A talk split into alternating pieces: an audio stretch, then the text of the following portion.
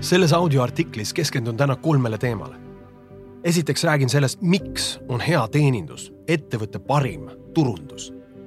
räägin ka sellest, miks on teenindusäris töötava juhi number üks ülesanne inimeste värbamine. ja kolmandaks räägin partnerluse olulisusest ehk miks on tähtis teha rohkem, kui klient seda ootab. head kuulamist tegemist on teise osaga kaheosalisest audioartiklite sarjast, mis räägib kliendi nelja peamise vajaduse rahuldamisest, milles on võtmeroll suurepärastel teenindajatel ja teistel eesliini töötajatel, kes ühel või teisel viisil klientidega kokku puutuvad. kui oled juhina leidnud hiilgava suhtlemisega inimesed, ei ole turundusele vaja enam raha kulutada. artikli esimeses osas käsitlesin esimest kahte kliendi vajadust ehk täpsust ja saadavust ning alustasin näidetega kolmandast, partnerlusest. partnerluse vajadus on täidetud siis, kui klient tunneb, et teenindaja hoolib päriselt temast kui inimesest, mitte ei täida lihtsalt oma kohustust kaupa või teenust tutvustada ja raha vastu võtta. hea teenindus on ettevõtte parim võimalik turundus. üks esimesi asju, mida kümme aastat järjest Tallinna Tripadvisori esikohal olnud restorani omanik Rain Tunger uutelt töötajatelt tööintervjuul küsis, oli. kuule, mis sa arvad, miks me oleme Tallinna number üks restoran? mille peale vastas enamik inimesi, no sest Rataskaevu kuusteist on väga ilus. seepeale Rain enamasti tänas ja viitas tõsiasjale, et vanalinnas on veel palju ilusaid restorane. seejärel küsis Rain, mis veel? mis võib olla meie edu saladus? No maitsev toit, ütleb entusiastlik kandidaat, kes pingutab kõigest väest, et öelda õiget vastust. taaskord tänas Rain inimest ja viitas ka nüüd tõsiasjale, et ilmselt on veel Tallinnas palju maitsva toiduga kohti ja järelikult ei saa söök olla peamine põhjus, miks Rataskaevu kuusteist on klientide hinnangul number üks restoran. ma ütlen sulle, mis on meie saladus. me oleme number üks sest sina hakkad meie juures töötama. kõike muud saab kopeerida, kuid meie teenindajate unikaalset soojust ja hoolivust ei saa mitte keegi täpselt sellisel kujul järele teha. me oleme number üks restoran, sest meil töötavad esmaklassilised inimesed. audioartikli esimeses osas rääkisin, et kui kliendid räägivad, et kusagil on hea või halb teenindus, siis tegelikult räägivad nad headest ja halbadest teenindajatest seega tuhanded Tripadvisori kasutajate kiidusõnad Rataskaevu kuusteist restoranile on tegelikult kiitus Rataskaevu kuusteist personalile. enamik nende negatiivseid kliendiarvustusi on seotud restorani täpsuse ja saadavusega ning viie tärni arvustused on valdavalt seotud teeninduse ehk partnerlusega. just sel põhjusel on teenindusäris töötava juhi number üks ülesanne inimeste värbamine.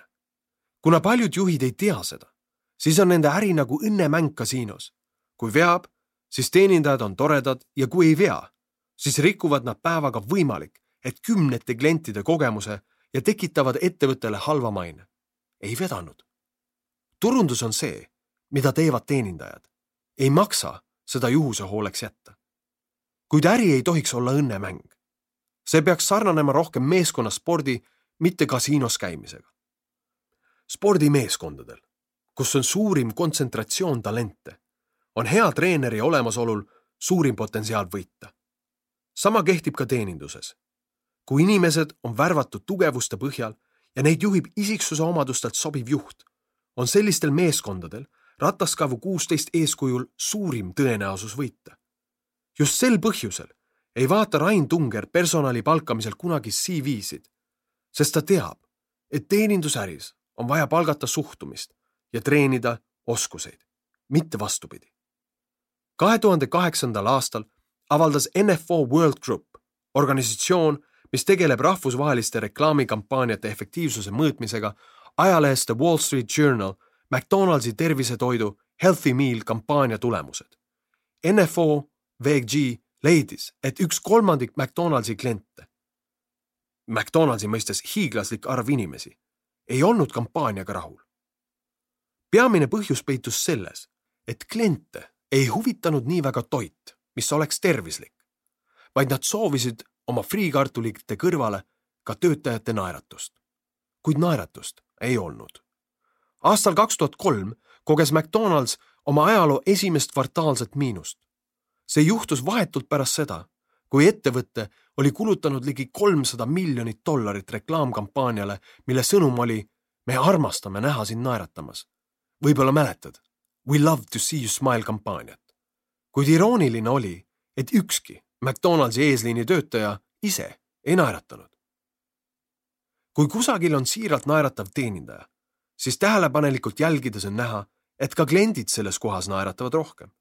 iga inimene, kellega see teenindaja räägib, muutub rõõmsamaks ja kui ise selle rõõmu keskel istud, siis muutud ka ise märkamatult rõõmsamaks. Mida rohkem on naeratavaid teenindajaid, seda rohkem on naeratavaid kliente ja seda rohkem tuleb edaspidi uksest sisse neid, kes just naeratust otsivad. naeratuse olulisust on võimalik süsteemselt meelde tuletada.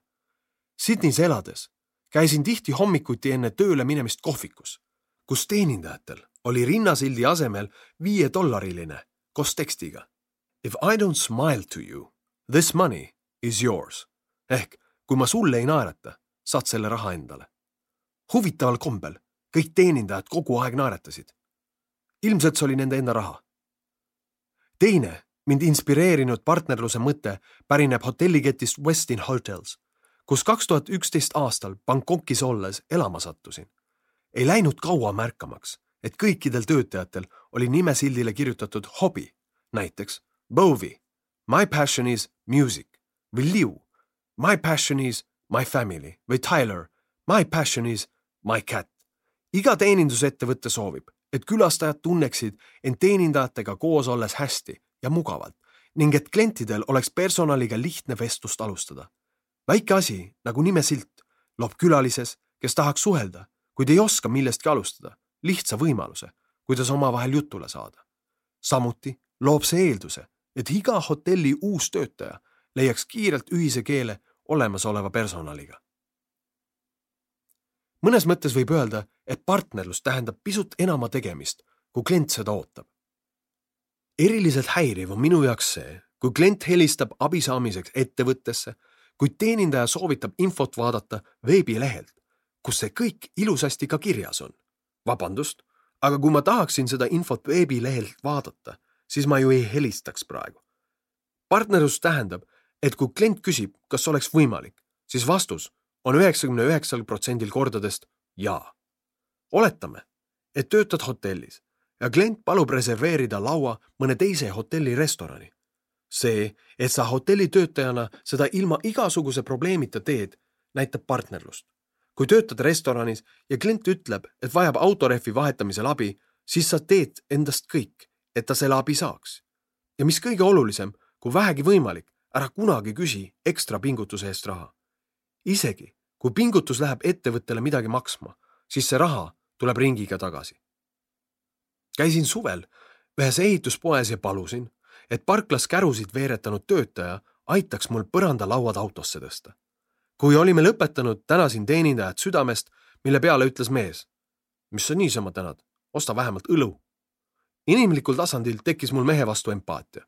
lause oli justkui armas, kuid samal ajal tekkis mul ka süü, kuna mul ei olnud sel hetkel aega talle õlut ostma minna. olen varem kirjutanud, et mitte ükski kliendi kontakt ei ole neutraalne, vaid alati kas positiivne või negatiivne. see kohtumine ei jätnud minusse kindlasti positiivset tunnet, kuigi kõik eeldused olid selleks olemas. kui vaid mees oleks minu abistamise suhtes rõõmu üles näidanud selle asemel lahkusin süüga, mis ei ole kindlasti tunne, mida ükski klient vabatahtlikult tunda tahaks. Just sel põhjusel peavad töötajad olema koolitatud tahtma igal võimalusel kliente aidata ja teha ekstra samme.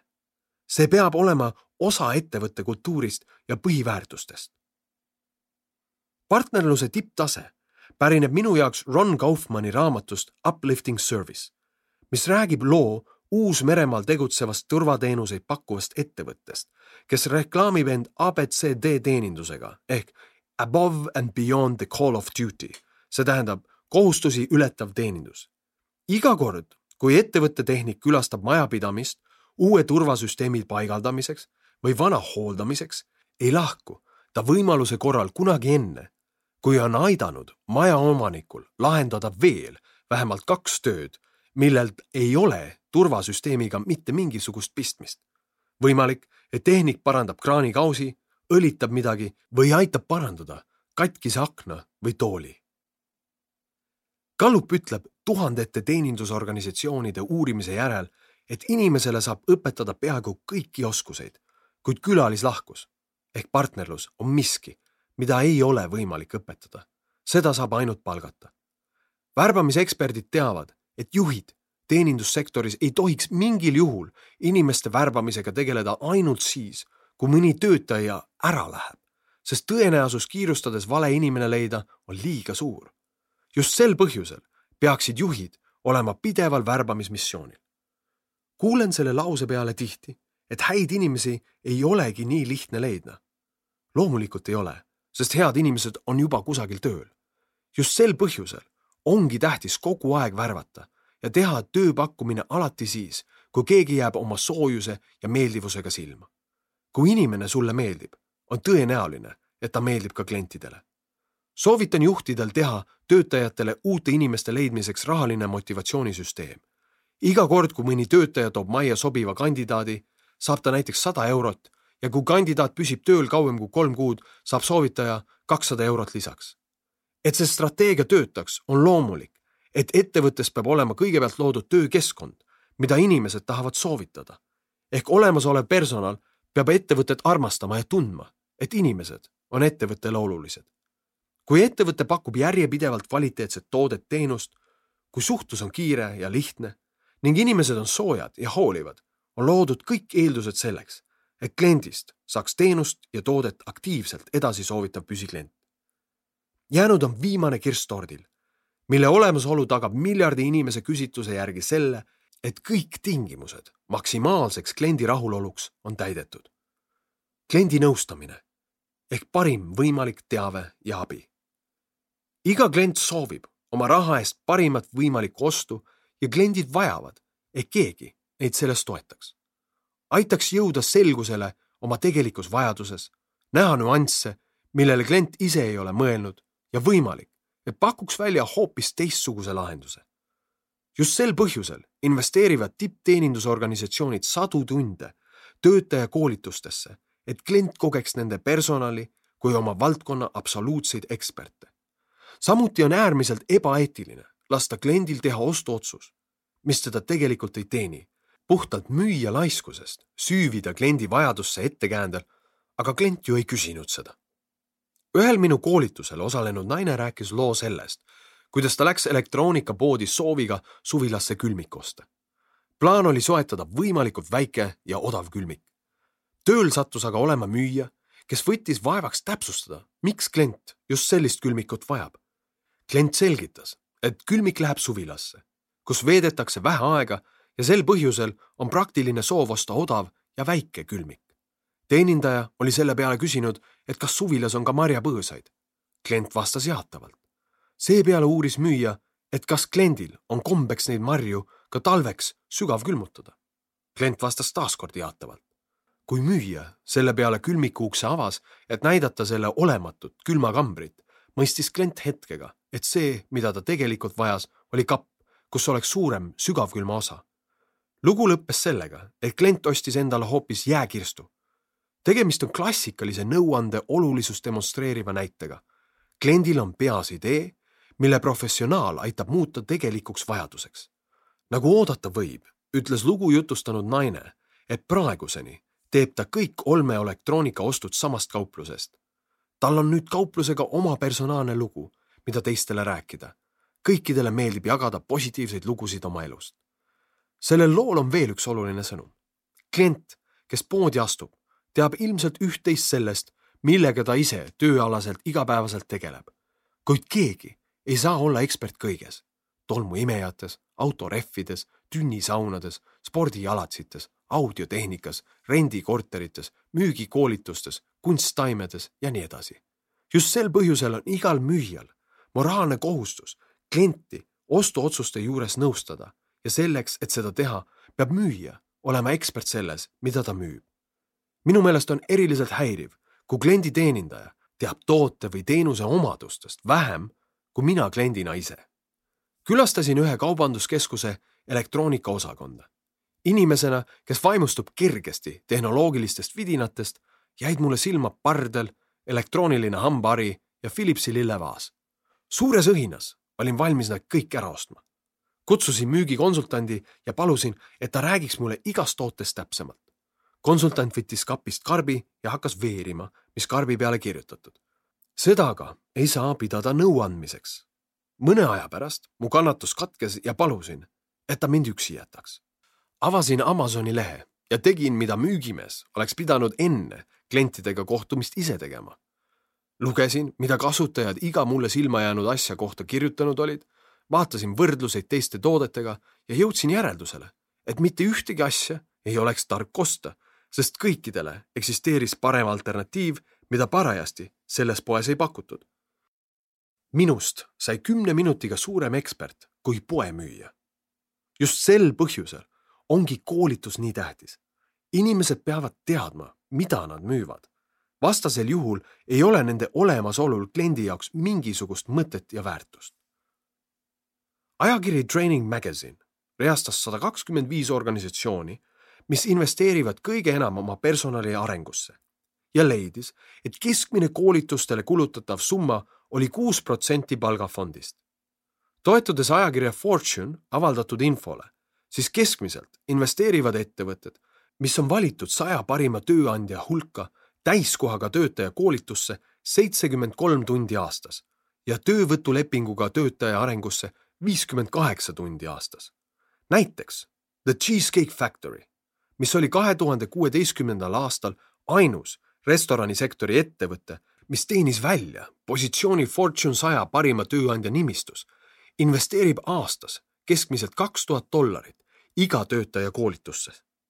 tulemus on see, et kett teenib keskmiselt tuhat dollarit ruutmeetri kohta, mis on enam kui kaks korda sama palju sektori keskmine üks suurepärase teeninduse poolest tuntud maailma juhtivaid teenindusorganisatsioone Starbucks, mis avab iga päev viimased kakskümmend seitse aastat järjest keskmiselt kaks uut kohvikut, sulges kahe tuhande kuueteistkümnendal aastal kolmeks tunniks seitse tuhat kohvikut, et täiustada oma teenindajate espresso valmistamise oskuseid.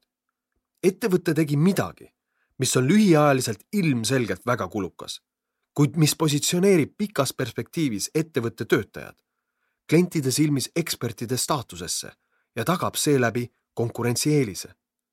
klienditeeninduskuru Mikah Solomon on öelnud, et klienditeenindus on mõneti nagu seks.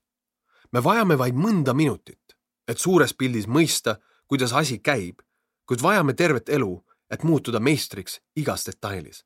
ja kindlasti ei ole võimalik meistritaset saavutada, kui harjutame üksi Kalup väidab, et selleks, et müügiinimene või teenindaja saaks pakkuda nõu, peavad olema täidetud kuus eeltingimust. esiteks, et kellegi nõu tõsiselt võtta, peame me nõuandjat kõigepealt usaldama.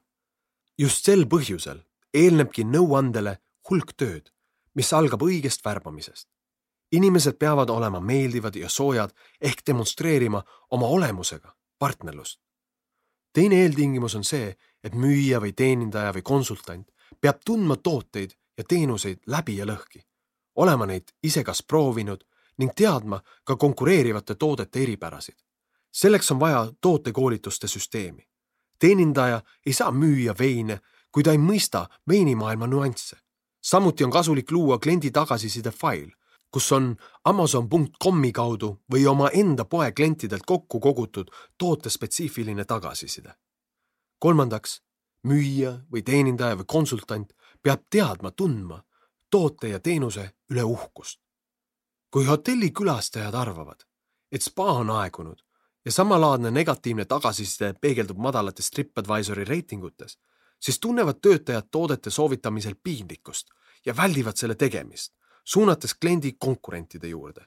samal ajal on täiesti ilmselge, et me soovitame aktiivselt tooteid, millele me oleme isiklikud fännid ostsin hiljuti Euronixi poest tolmuimeja, kuna müüja õhin ja isiklik kogemus konkreetse mudeliga oli lihtsalt nii ilmselge, et mõne teise tolmuimeja ost oleks tundunud jabura otsusena. fännil on selgelt teine mõjujõud kui suvalisel müüjal. neljandaks, müüjal, konsultandil peavad olema sobivad isikuomadused. Gallupi uuringud näitavad, et kuigi partnerlus ja nõu on kõige suurema püsiklientuuri ja kliendi soovituste tekitajad, siis kumbagi neist ei ole võimalik fundamentaalsel tasemel õpetada. partnerlus ei ole tehnika ega nipp, vaid tähendab oma essentsilt, loomupärast, inimestest hoolimist. sama puudutab ka nõuannete andmist. ka nõuandmine ei ole õpitav tehnika, vaid tähendab, et mõnel inimesel on asjade suhtes konkreetne oma arvamus ja vajadus seda arvamust igal juhul väljendada. mõni aga annab nõu ainult siis, kui seda küsitakse. mõnel pole üldse oma arvamust. Nii-öelda teenindajad, kelle jaoks kõik on restoranis maitsev.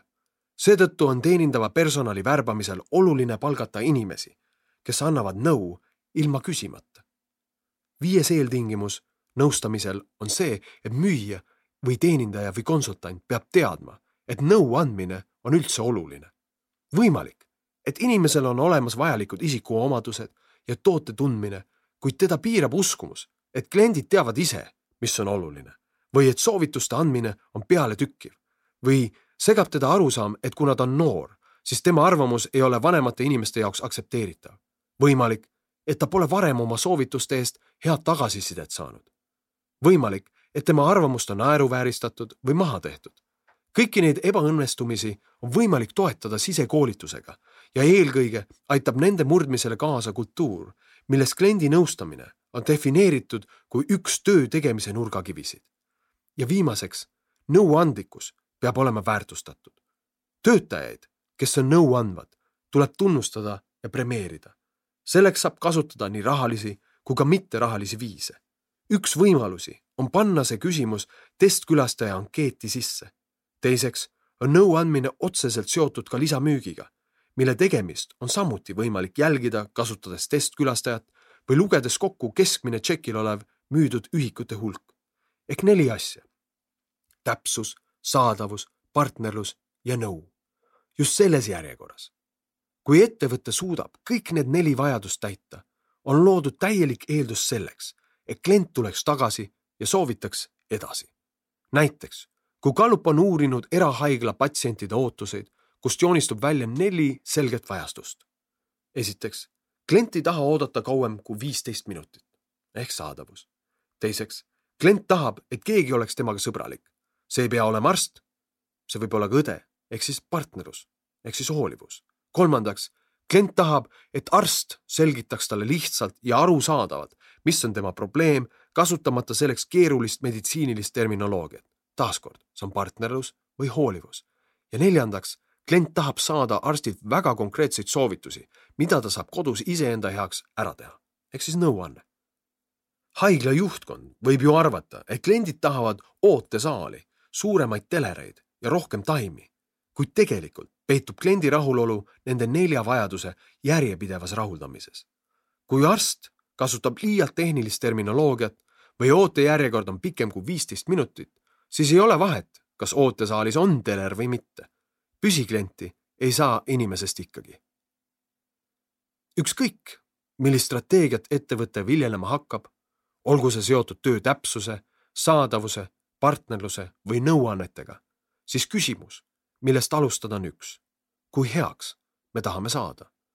kõige edukamatel ettevõtetel on selleks alati ainult üks vastus, oma valdkonna absoluutselt parimaks. vaja on teha seetõttu audit, et mõista, kus ettevõte täna on. selleks peab küsima töötajate, partnerite ja klientide võimalikult objektiivset tagasisidet ning saama vastused mitmele küsimusele. kuidas on lood meie täpsusega?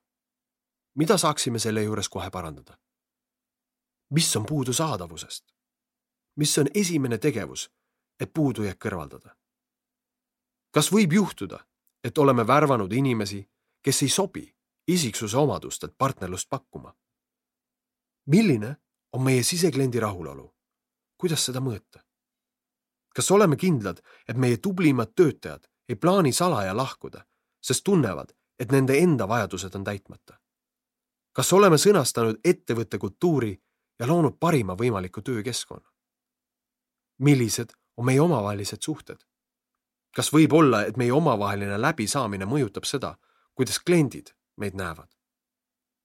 kas meie juhid teavad piisavalt oma alluvate isiklikust elust, et osata ennetada potentsiaalseid probleeme nii kolleegide kui ka klientidega? kas meil on olemas süsteem ja kultuur, mis tunnustab ja toetab inimesi hea teeninduse pakkumise eest või premeerime ainult müüki? kas me üldse tunnustame ja premeerime oma inimesi? kas me arendame oma inimesi ja oleme iga eesliini töötaja varustanud suhtumise ja tööriistadega, mida tipptasemel teenindaja vajab? kas meie tippjuhtkond ja keskastme juhid astuvad ühte sammu? Kas me teame, mis teeb meid eriliseks ja mis on meie unikaalne kliendi lubadus? kas meie teenindajad saavad sellest samamoodi aru? kas iga meeskonnaliige teab, kuidas tema töö mõjutab teisi ja on seotud lõppkliendiga? kas klienditeenindaja näeb end osana ettevõtte turundusest? ja viimasena, kuid väga olulisena, kas tagatuba näeb end klienditeenindajana? imestan vahel, kui vähe pööratakse tähelepanu kõige elementaarsematele aspektidele teeninduskvaliteedi tõstmisel. väga harva näeb teenindusettevõtet, kes investeerib sellesse, et nende töötajad õpiksid oma konkurentidelt. kui palju restorane viib oma personali regulaarselt sööma kohtadesse, mis on TripAdvisori tipus, et õppida nende teenindusest? ma tean vaid kahte ja nad on mõlemad TripAdvisori tipus. olen tööalaselt kokku puutunud enam kui viieteistkümne Eesti majutusasutusega ja enamik nende juhtkondi ei ole kasutanud niivõrd lihtsat ja soodsat, kuid ülivõimsat töötaja motiveerimisvahendit nagu personali majutamist kas või üheks ööks oma hotellis koos hommikusöögi ja spa külastusega. selle eesmärk on anda töötajale võimalus kogeda hotelli ka kliendi silmade läbi, vaadata iga detaili, märkida üles kõik, mis meeldib, kõik, mis on puudu, teha omapoolseid soovitusi ja kogeda, mida külaline võib kogeda, et olla külaliste suhtes empaatilisem, võrdsem ja võimekam pakkuma ootuspärast nõu ja partnerlust. ühe ettevõtte juht ütles, kui ma saaksin elimineerida iga viimsegi inimliku kokkupuutepunkti kliendiga, siis teeksin seda. iga kontakt meie töötajaga on järjekordne võimalus midagi ära rikkuda. asendaksin kõik inimesed masinatega, sest siis on võimatu eksida. kuigi selles mõttemudelis on suur osa tõtt, siis milline see maailm välja näeks? efektiivne, puhas, toimiv, aga lõputult tühi ja emotsioonitu. selles puuduks hing. jah, annetelt mitte sobivad, alamotiveeritud, halvasti juhitud teenindajad rikuvad kogemuse, kuid suur osa teenindajaid loob iga päev üle maailma inimestele unustamatuid elamusi. Inimesed käivad Rataskaevu kuusteist restoranis just teeninduse pärast. kui teenindajad on õigesti värvatud, motiveeritud ja treenitud, siis vastupidiselt ülalmainitud loole on iga kontakt järjekordne võimalus teha midagi just hästi. selle asemel, et inimeste pealt kokku hoida, tuleks mõista, et inimesed ongi konkurentsitingimustes ainus, millele äri orgaaniline kasv ehk käive, mis tekib olemasolevalt kliendilt enama raha teenimisega, saab toetuda. uuringufirma Walker avaldas raporti, mis näitas, et kliendi elamus on eristumiseks olulisem kui hind või toode. nõudlus teeninduse järgi muutub iga aastaga üha suuremaks, sest esiteks, tehnoloogia okupeerib järjest suurema osa inimeste tähelepanust ja mingi hetk tekib inimestel tohutu vajadus inimliku kontakti järgi, päris puudutuse, päris naeratuse, päris soojuse järele. ja teiseks, kuna tehnoloogia muutub ise järjest teenindavamaks, siis ei tohi tekkida olukorda, kus minu telefon teenindab mind paremini kui elav inimene. võtame näiteks Siri. Siri on Apple'i tarkvara, mille abil saab inimene oma häält kasutades suhelda oma telefoni, arvuti või autoga. Siri suudab vastata küsimustele, anda soovitusi ja täita erinevaid käskluseid ühilduvates programmides. Siri on alati viisakas, vahel juba ka humoorikas. õige varsti okupeerib ta järjest rohkem kasutajamaailma ta suhtleb minuga, teeb soovitusi, tervitab, rõõmustab, õnnitleb.